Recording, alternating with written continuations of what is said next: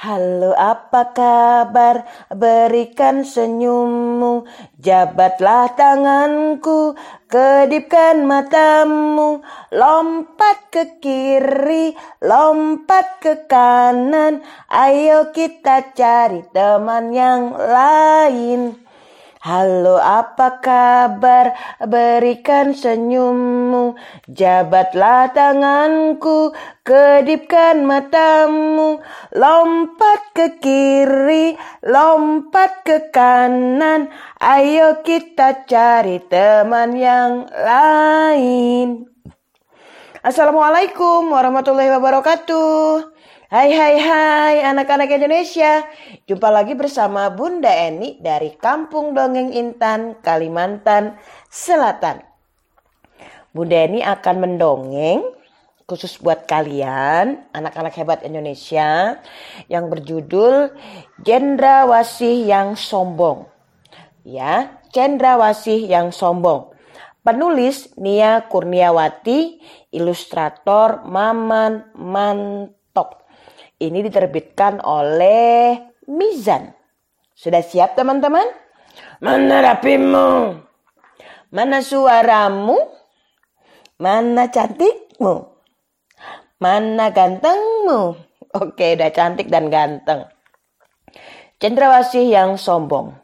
Di sebuah hutan, hiduplah seekor burung cendrawasih Bulunya yang sangat indah membuat kagum penghuni hutan.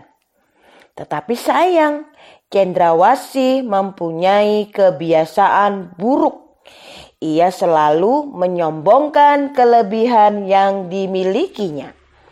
Pagi itu, Cendrawasih sedang berjemur. Merpati terbang mendekatinya. Ih, Cendrawasih, kamu sedang apa?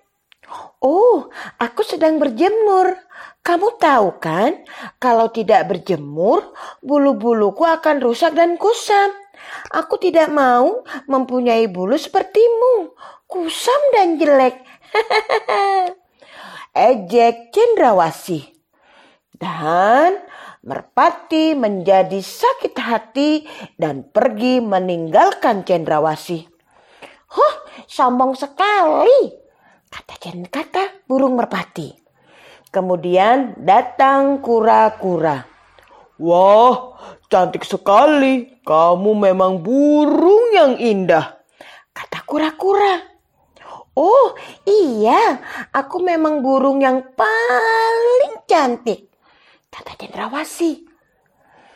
Aku perhatikan kamu semakin tua saja. Jalanmu sangat lambat. Kasihan sekali kamu, ejek cendrawasih. Kura-kura marah mendengar ejekan cendrawasih. Lalu kura-kura pergi meninggalkannya. Kira-kira kalau mengejek teman baik apa enggak ya? Iya betul enggak baik nih. Begitulah cendrawasih. Dia sombong dan suka mengejek. Akibatnya apa yuk? Iya betul, Cendrawasih mulai dijauhi teman-temannya. Tapi Cendrawasih memang sombong. Ia tidak mau tahu, ia tetap saja sombong dan mengejek temannya. Hahaha, aku memang yang terbaik di hutan ini. Hahaha, kata Cendrawasih. Suatu hari Cendrawasih berjalan-jalan. Tiba-tiba, krap! Aduh, tolong, tolong! Cendrawasih terjerat jaring pemburu. Ia kesakitan karena beberapa bulunya rusak dan patah. Tolong, tolong! Tidak jauh dari tempat tersebut, merpati, kura-kura, rusa, dan kelinci sedang berkumpul. Hei, aku seperti mendengar suara minta tolong, kata merpati. Ayo kita dekati. Akhirnya mereka pun mendekati asal suara itu. Merpati dan teman-teman terkejut melihat cendrawasih yang sedang mengadu kesakitan di dalam jaring. Tanpa menunggu waktu, Merpati dan teman-teman segera menolong cendrawasih. Terima kasih teman-teman, kata cendrawasih.